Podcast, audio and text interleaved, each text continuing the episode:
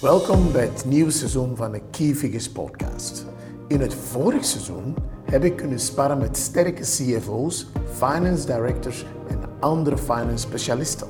Tijdens de zomer van 2021 zal ik spreken met enkele sterke CEO's om hun visie over finance en key figures te begrijpen. Dit is buitengewoon interessant en zeker aan te raden voor finance professionals. Zo kom je te weten hoe de kapitein binnen de onderneming echt denkt over finance.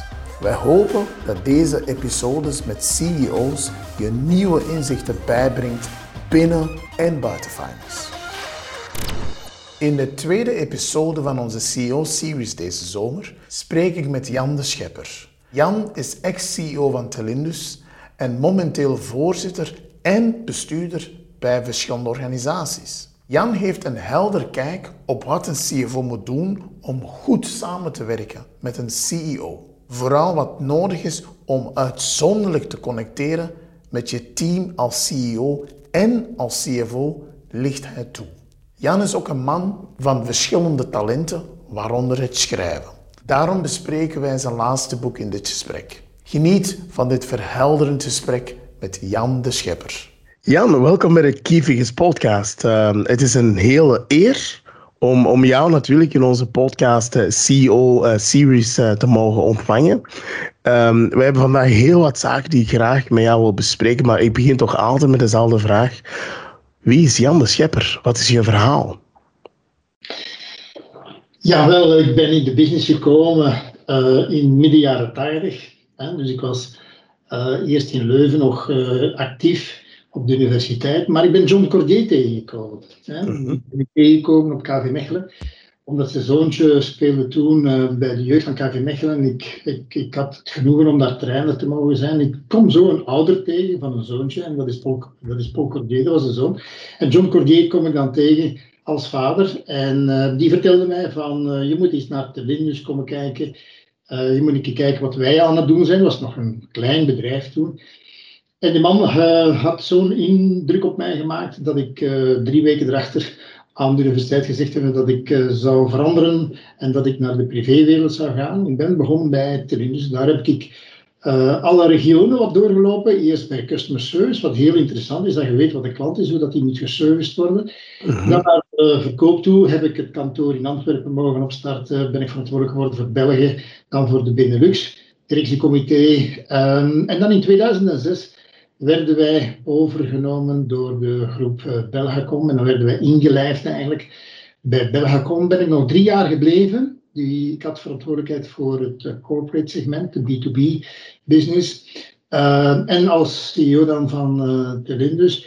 Um, en dan ben ik bij, toen was Crossroad eigenlijk al gestart. En dat waren ex-Telindus, ex-KBC'ers. En dan ben ik bij Crossroad begonnen. Uh, als uh, executive bestuurder en heb ik andere mandaten opgenomen. Mandaten die ik nu nog heb zijn de mandaten zoals voorzitter zijn van Securitas, maar ook in de raad van bestuur van Automation, voorzitter van ADM zijn, raad van advies van een bedrijf Kawingo, Dobic. Dus ik ben eigenlijk voor grote deels actief bij BDO als partner, maar toch doe ik ook nog andere activiteiten van vooral raden van bestuur. Oké, oké. Jan, um, ik had u heel graag willen spreken over omwille van het feit, um, binnen onze podcast is natuurlijk de focus altijd uh, finance. Dat is heel belangrijk natuurlijk. Maar ik wou heel graag met jou sparren over ho, hoe dat jij als, als ex-CEO, uh, nu boardmember, natuurlijk um, altijd naar een CFO hebt gekeken wat daar de toegevoegde waarde van is en wat ervoor zorgt dat jullie twee eigenlijk heel goed hebben kunnen samenwerken. Hè. Um, laten we beginnen van het begin. Welke elementen maken eigenlijk een top CFO voor jou? Hoe zie je dat eigenlijk van bij, van bij de start eigenlijk? Ja, wel, je ziet dat eigenlijk de rol ook uh, de laatste jaren van de CFO gewijzigd is. Hè. Vroeger was hij eigenlijk een specialist in traditionele finance. Uh, ik bedoel dan daarmee accounting, controlling, budgeting. Hij deed ook de planning en deed de analyses van de cijfers. Um, dan is daar toch wel wat gespecialiseerde materie bijgekomen, zoals de tax en de audit en, en, investor relationships. Als je dus met, zeker internationale bedrijven of beursgenoteerde bedrijven, uh, de treasury komt daarbij. Maar wat je ziet is dat die CFO toch wel wat geëvolueerd is en dat hij eigenlijk ook meer zich bezig moet houden Ehm, met strategisch leiderschap. Van waar gaat dit bedrijf naartoe? Waar, gaan, waar willen we eindigen? Met ook de organisatie, dus, eh, want ook, uh, hij heeft daar een, een heel belangrijke rol in te spelen. Ehm, en dat, dat betekent eigenlijk dat die CFO-rol meer en breder wordt. Uh, dat hij natuurlijk ook geholpen wordt door de technologie, waardoor dat hij meer tijd krijgt om die andere rollen op te, op te nemen. Absoluut. Um, en dat is wel hetgeen dat de, de laatste jaren uh, zeer sterk aan het wijzigen is van de CEO. Maar ik vind de, de, van de CFO, ik vind de CFO bijzonder belangrijk in de organisatie. Die staat echt uh, nog iets zelf boven het niveau van, dat durf ik eigenlijk niet rap zeggen of niet te, veel zeggen, want ik vind HR gigantisch belangrijk, ik vind ook IT heel belangrijk. Maar die CFO moet ook een beetje digital savvy zijn. En zelf de, CFO moet ook wel wat kennis hebben van het HR gebeuren. Uh, omdat hij zo'n belangrijke functie in een organisatie heeft. Ja, ja. En, en hoe zie jij eigenlijk van, van bij de eerste of tweede of derde gesprek dat de persoon voor u echt wel bepaalde ja, karakteristieken heeft van, oh, dat zal best wel eens een topper kunnen zijn?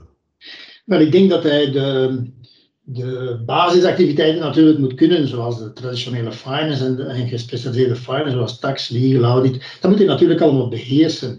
Uh, maar mijn inziens gaat de CFO van de toekomst toch iemand zijn die er nog een stukje bij doet. Um, dus hij moet kunnen inzichten geven in de, in de trends die er gaan gebeuren. Hij moet de CEO, de CEO kunnen bijstaan in wat kunnen we nu uit de, uit de, cijfers gaan leren? Wat zijn de inzichten die we krijgen voor de toekomst? Hè? Want er zijn veel zaken die we dus onder de feedback kunnen catalogeren. Hè? Dus je hebt de cijfers gehad, de maand is afgesloten, het jaar is afgesloten. Wat zijn de feedback-analyses? En dan komt er natuurlijk heel, bij, heel veel bij uh, met, uh, door, door, door de automatisatie, door digitalisatie, door de data die er beschikking is, dat die feedback nog altijd maar beter en beter wordt. Hè? Omdat de CEO moet ook kunnen beslissen en hij moet dan toch wel beslissen op een stukje gegevens dat hem heeft, op de data dat hem krijgt, op de informatie dat hem krijgt. En daar is een heel belangrijke taak van die uh, CFO. Maar uh, de toekomst is dus vooral van de inzichten die hij kan krijgen uit de analyses die hij heeft vandaag. Van wat betekent dat nu voor de toekomst? Waar moet die CEO mee rekening houden? Welke business moet, is profitable, welke business is niet profitable en waarom is die niet profitable en waarom moet je dus in, in, een bepaalde richting gaan?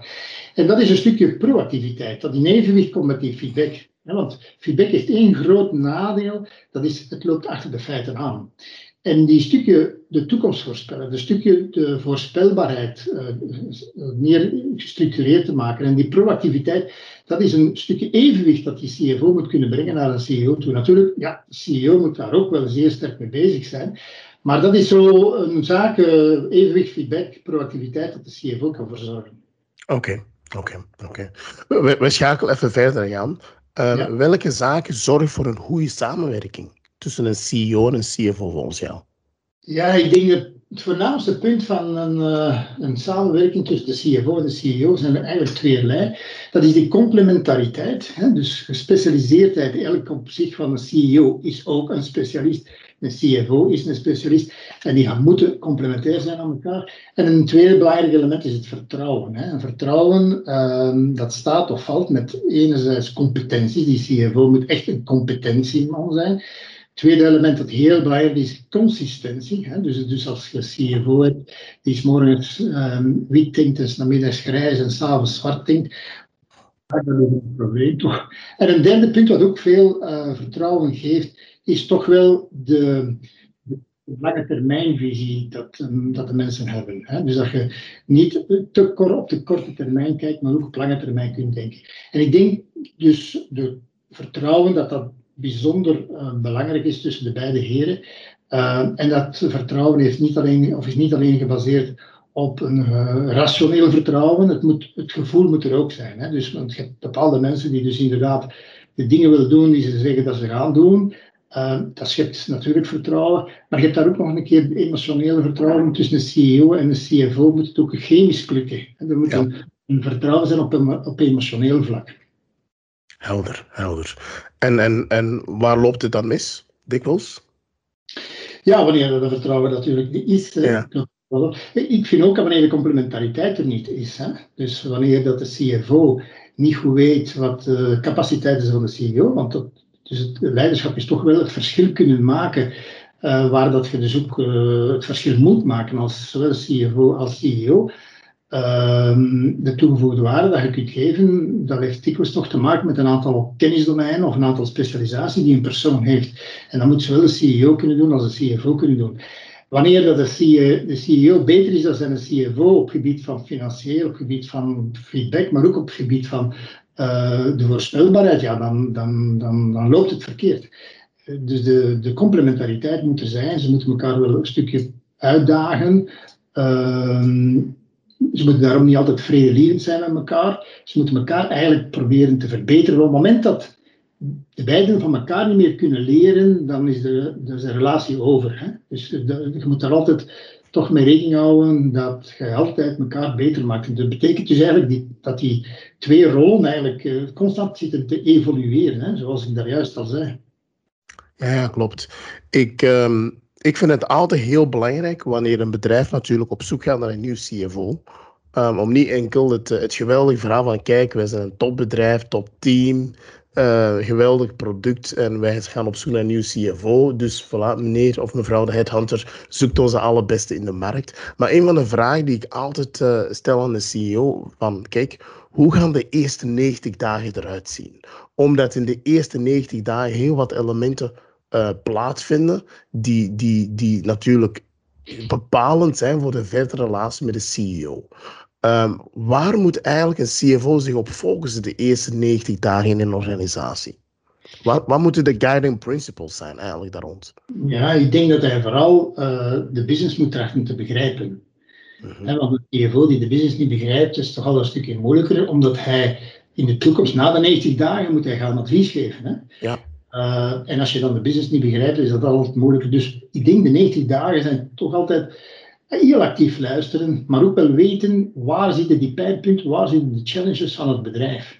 En dat hoeft niet alleen op, uh, op financiële vlak te zijn. Dat kan ook een stukje dus op, dat, of op die traditionele finance vlak zijn. Dat kan ook op het gebied van strategisch zijn. Dat kan ook een stukje op het gebied van performance management zijn. Dat kan ook op het gebied van de, de, de, allocatie van waar moet het geld naartoe gaan, naar welke business unit moet het naartoe gaan, welke, want je gaat meestal toch wel wat gas geven op de zaken waar die, die profitable zijn en je gaat wat remmen op de zaken die non-profitable zijn. En dat vind ik heel belangrijk. Die eerst na 90 dagen dat kunt zetten, je kunt die pijnpunten aanduiden aan de CEO, omdat je met een neutraal overzicht komt, dan vind ik dat je dus geweldig scoort als CEO.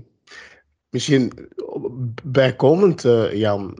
Het is natuurlijk interessant als CEO om, om, om de CFO voor een, voor een groot stuk uiteraard los te laten om in de eerste 90 dagen zich natuurlijk in te werken in de business. Er is natuurlijk de neiging om bepaalde input te geven, maar soms moet je dat eigenlijk niet doen om die persoon natuurlijk de kans te geven om dat uiteraard te laten doen. Heb je zelf ervaring met dergelijke zaken? Ja, ik probeerde in ieder geval uh, de eerste 90 dagen niet te veel te zeggen, hè, want dan je, gaat je de CFO ook beïnvloeden voor een stukje. Je gaat dan natuurlijk al oriënteren naar iets. En je kunt maar één keer de first impression doen. Je kunt maar Indeed. één keer nieuw zijn in een bedrijf. Dus je moet die mens uh, heel neutraal zijn job laten doen en zijn impressies die hij heeft, dat dikwijls beter zijn dan dan de oordelen dat wij hebben in, van ons eigen bedrijf door het feit dat we er al jaren in zitten, dikwijls beoordelen wij onszelf slecht. Hè? Dus op het gebied van capaciteit van mensen, maar ook op capaciteit van bedrijf. En als je zo'n neutrale uh, invalshoek krijgt, je krijgt die kans van iemand die toch aanschemaal werd geacht en dan toch bekwaam om dat te doen, ja, dat is een unieke kans dat je krijgt. Die moet goed laten. Absoluut, absoluut. Um, wat is de beste manier om een CFO echt te laten schitteren? Ja, zijn, zijn, ik denk dat het heel belangrijk is dat een CFO niet praat in de richting dat een CEO wenst te horen. Hè? Dat je die CFO zijn ding laat doen. Dat hij heel kritisch mag zijn, dat hij zelfs provocerend mag zijn, dat is ook positief. Uh, als je dat op de juiste manier doet, dan, uh, dan gaat je de meeste energie uh, verkrijgen. Ik hou niet zo direct van de meest vredelievende CFO ten opzichte van CEO, die dus in de richting spreekt van waar dat je denkt en wenst dat de informatie moet gebeuren. Dus of, of als je een, een, aantal zaken dat je, dat stemt u misschien wel tot tevredenheid als de mensen u in de richting spreken van dat je zelf denkt of zelf, zelf wenst dat het gebeurt. Maar um, ja, de, de, de, als een CFO heel kritisch kan zijn, heel, een beetje zelfs provocerend kan zijn, in belang van de maatschappij, ook in belang van de CEO, dan zit je daar het, het meest mee natuurlijk. Ja, ja zeker en vast. Um, ja, en, en, dat is natuurlijk een issue. Hè. Um, je hebt een CFO nodig die uiteraard langs de ene kant heel goed spart met de CEO, maar langs de andere kant uiteraard bijzonder veel pushback geeft. Ja. Um, en, en ja, dan komen we natuurlijk terecht in het terrein van mogelijke ego's die spelen. De, hoe, hoe zorgt eigenlijk de CEO en de CFO, hoe zorgen ze ervoor dat er eigenlijk tussen hun twee, want dat zijn dan zo twee figuren die heel dicht samenwerken, hoe zorgen ze ervoor dat er voldoende ruimte wordt gelaten om op, op het ene uur samen op een whiteboard een, een interessante strategische oefening te gaan maken. En een uur later dat de CFO zegt van sorry, maar dit is eigenlijk, excuse my French crap. Um, ik zou het zo en zo en zo aanvliegen. Hoe, hoe, hoe, hoe pakt je dat best aan als CEO? Ja, dat is nu het verschil tussen uh, wat is goed en wat is uitzonderlijk goed. Hè. Ja. De, uh, de CEO die uitzonderlijk goed zijn, dat zijn de mensen die op hoogste niveau kunnen connecteren. En uh, die, die weten dat ehm, dat, uh, dat de mensen die, die in een team werken, dat die ook de CEO beter maken. Want dat is eigenlijk wel de bedoeling. Maar als je dus, uh, ja, ik mag het niet verkeerd begrijpen, maar je hebt zo sommige mensen die totaal niet luisteren naar andere mensen. Dat zijn zo'n beetje de, de business autisten, zoals ik ze noem. En dat zijn geen echte autisten, zoals, zoals we kennen het woord. Maar die luisteren gewoon niet naar je mensen toe ja, dan, dan vind je natuurlijk ook geen common ground. Dat is al een eerste groot probleem. Het tweede probleem is, je moet werken aan die relatie. Je moet zorgen dat je CEO-CFO-relatie, dat die heel uh, sterk evolueert in de positieve ring, ja, zin. Dat betekent ook dat je daar energie moet voor vrijmaken. En je moet ook uh, een beetje die narcistische trekken van de CEO weglaten. Hè? Want sommige mensen, uh, of de CEO denkt dat, hem, dat het allemaal rond hem draait. Hè? En niet, dat het niet rond iemand anders draait dat narcisme-gedrag, dat mag een CEO dus ook niet hebben. Het moet altijd een win-win eh, relatie blijven, want um, en dat, zijn, maakt het verschil uit tussen iemand die op een uh, hoog niveau kan connecteren met mensen, die andere mensen nog beter kan maken, die zelfs een CFO kan beter maken, ten opzichte van de goede managers of de goede CEO's, die daar juist dat tikkeltje tekort komen. En dat is het verschil tussen goed zijn en uitzonderlijk goed zijn. Uh, en de uitzonderlijk goede CEO's, die maken hun CFO's ook nog beter en die worden daardoor ook geapprecieerd. Ja, ja. Je, je verwees in het begin van ons gesprek, Jan, naar um, uiteraard het belang van HR en, en, en, en, en die, het digitale, het IT-verhaal. Um, ja, dat wordt alleen maar belangrijker en belangrijker. Hè? Hoe, ja. hoe zie je dat eigenlijk uh, hoe, hoe moet eigenlijk een goede CFO daarmee omgaan? Want je hebt natuurlijk processen die zorgen ervoor dat wij een consistent resultaat kunnen behalen, maar je hebt ook mensen en die zorgen voor de creativiteit. Hoe moet een goede CFO daarmee omgaan binnen, binnen een executive board? Ja, dat is nu het verschil met een aantal jaren geleden. Door de digitale revolutie wordt die business ook digitaler. Hè? Mhm. Dus wij die ICT-revolutie gehad, maar dat is nog geen digitale revolutie, want digitale revolutie is eigenlijk een gevolg van, een vervolg op die ICT, uh, uh, ICT-revolutie. En die CFO komt nu, wordt nu geconfronteerd met het feit van digitalisatieperiode. Dus dat wil zeggen dat hij toch ook digital savvy moet zijn. Hij moet ook in zijn eigen afdeling vandaag trachten de optimalisatie te doen. Dat betekent eigenlijk dat hij moet roboticus inschakelen voor repetitief werk, want in de CFO-afdelingen zijn er toch veel zaken die heel repetitief zijn, op gebied van, denk maar op het gebied van boekhouding, van boeken, van facturen, betalen van facturen, de betaalsystemen die moeten geautomatiseerd worden. Ook op het gebied van rapportering wordt er veel meer verwacht van een CFO. Vroeger was die rapportering, die moest allemaal niet zo heel goed gevisualiseerd worden. Ja, vandaag moet dat toch heel mooi gevisualiseerd worden in, BI. Dus dat, dat zijn ook nieuwe zaken. En ik denk ook op het gebied van analytics, daar, het interpreteren van de cijfers wordt hier natuurlijk ook wel geholpen door al de technologie dat er vandaag is. Dus een CFO van de toekomst moet iemand zijn die digital savvy is. Die moet dat begrijpen, die moet weten waarom dat die technologie kan gebruiken in functie van te optimaliseren van zijn functie, het optimaliseren van zijn departement en van snelheid te krijgen. Hoe sneller dat je de gegevens hebt, hoe beter dat de gegevens zijn, hoe sterker dat die gegevens, hoe beter dat de CEO kan beslissen of, of het kan beslissen. En dat is er bijgekomen de laatste jaren. Ja, ja. Misschien een overstap richting sales, hè, want dat is natuurlijk de, de motor van, van, van elk bedrijf.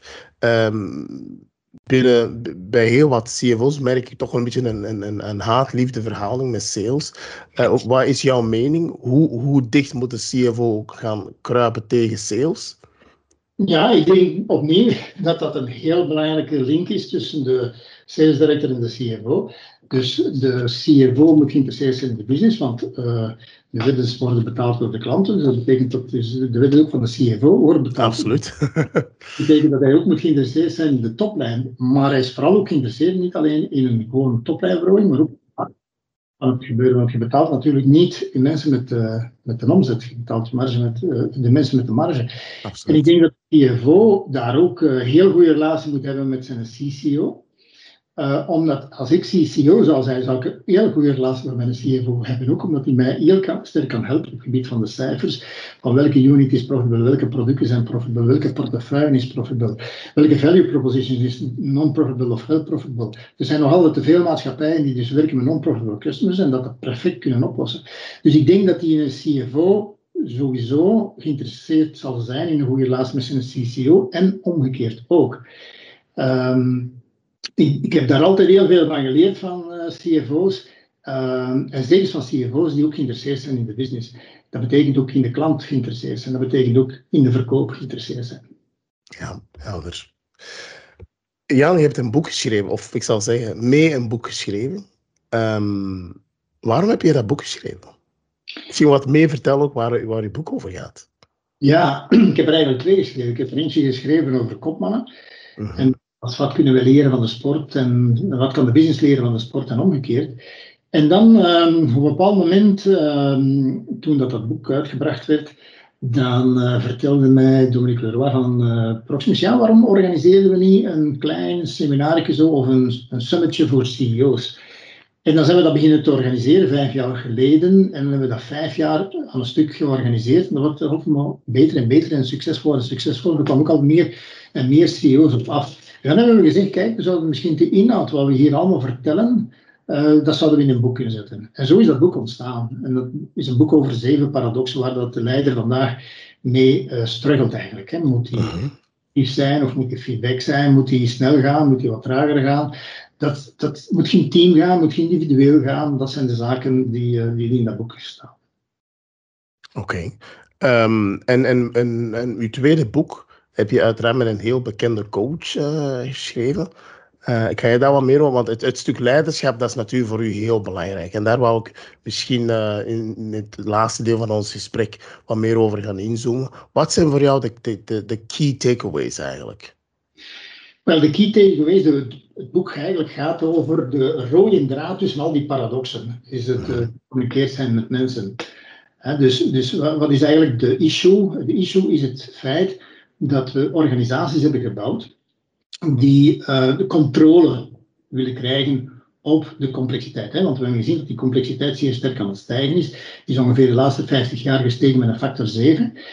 De ingewikkeldheid, die is er nog een keer bovenop gekomen. Die is gestegen met een factor 38 in de laatste 50 jaar. We willen dus die snelheid terugwinnen, we willen die um, hiërarchie een beetje verminderen, anders kunnen we geen snelheid krijgen. Dat wil zeggen dat we eigenlijk moeten geconnecteerd geraken met onze mensen. Als we niet geconnecteerd geraken met, met, onze mensen, dan komt die snelheid niet terug. Dan gebruiken we die hiërarchie, dan gebruiken we die KPI's, dan gebruiken we onze positie om iets gedaan te krijgen van mensen. Dus dat gaat dan over connection, hè, het connecteren. Dat is het, belangrijkste takeaway is van hoe connecteert je waarom is dat? Is dat zo belangrijk. Hè? Dat is een natuurlijke een innerlijk verlangen van een favoriete bezigheid van ons brein, dat is connecteren, maar je kunt dat op verschillende niveaus doen. Je kunt connecteren op een shallow niveau, waar dat 66% vandaag van de managers mee, die zijn geconnecteerd met die mensen op een shallow niveau. Dat is een lager niveau, dat is een niveau waarop dat je dus vanuit je positie, vanuit het access tot informatie die je hebt, dus vanuit je KPI's, gaat je dus connecteren met iemand. En die mensen die connecteren met u omdat ze moeten connecteren, niet omdat ze willen connecteren. Je krijgt eigenlijk een lagere performance, lagere productiviteit en lager engagement. Tweede niveau is een hoger niveau. dat is het bondingniveau. En op het bondingniveau gaat je dus niet connecteren vanuit je positie, maar je doet dat wel omdat je de innerlijke factoren, motivatoren kent van de mensen.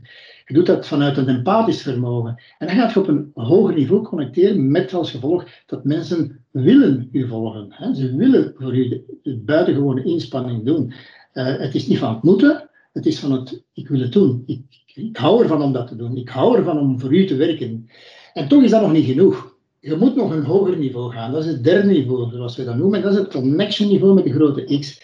En dat is, je bent goed geconnecteerd op niveau 2, je bent geconnecteerd emotioneel met die mensen, maar je haalt ook nog een keer resultaten. En dat is het grote verschil. Want als je geen resultaten haalt, dan mag je nog zoveel dat je wilt connecteren, maar op lange termijn laat je eigenlijk de mensen een beetje in de plan. Dus het magische effect van dat resultaten behalen is bijzonder belangrijk voor een CEO en voor een, voor een leider. Dat beschrijven we in dat boek. Oké, okay, helder. Over boeken gesproken, welk, welk boek heb je het meest aangeraden aan, aan je netwerk of vrienden en waarom? Wel, op dit ogenblik uh, raad ik een beetje Egopreneur aan van, de, van, van uh, Paul van den Bos omdat uh, door de coronaperiode hebben we toch wel heel sterke confrontatie gehad met ons eigen, confrontatie met onze relaties gehad, confrontatie met ons werk gehad. Um, en ja, dat, dat, dat heeft toch ingehakt op het emotionele welzijn, maar ook op het lichamelijke welzijn. We zitten heel veel achter ons scherm, we zitten heel veel neer. En Egopreneur heeft eigenlijk een overzichtje op heel kort, een boekje van denk 110 pagina's, van wat je daar allemaal kunt tegen doen. En uh, ik zou nu heel geleerde grote managementboeken kunnen, kunnen naar ik denk dat het een keer goed is dat de mensen dat, dat egopreneur kunnen lezen van wat moeten ze doen om hun emotioneel en hun lichamelijk welzijn te verhogen.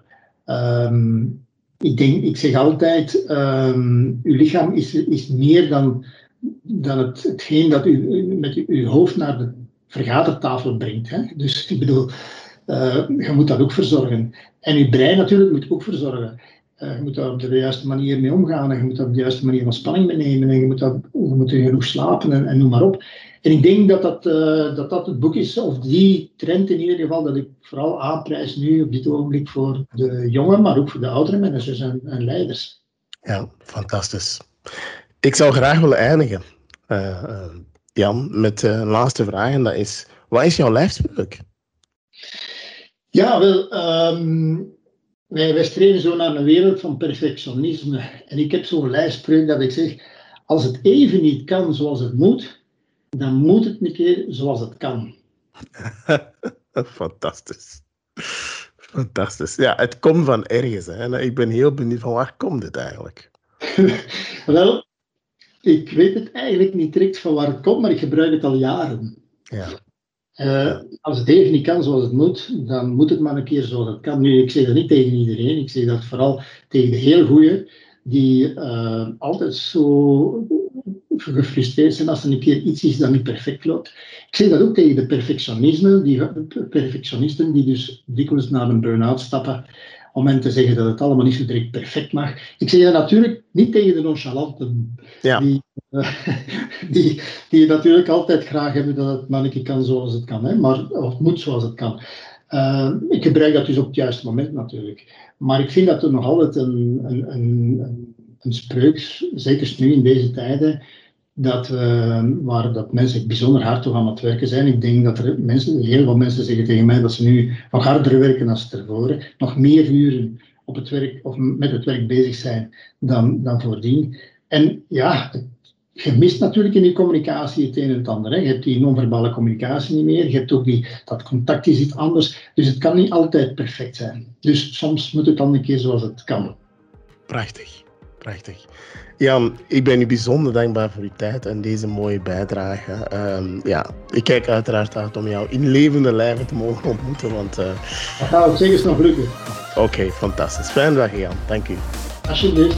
Dank om te luisteren naar de Keyfigures podcast. Ik wil ook Tim bedanken voor de montage en George voor de grafische ontwerpen. Wat vond je van onze podcast? Geef ons je feedback via podcast.keyfigures.be. Tot gauw voor een nieuwe aflevering van de Keyfigures podcast. Dag.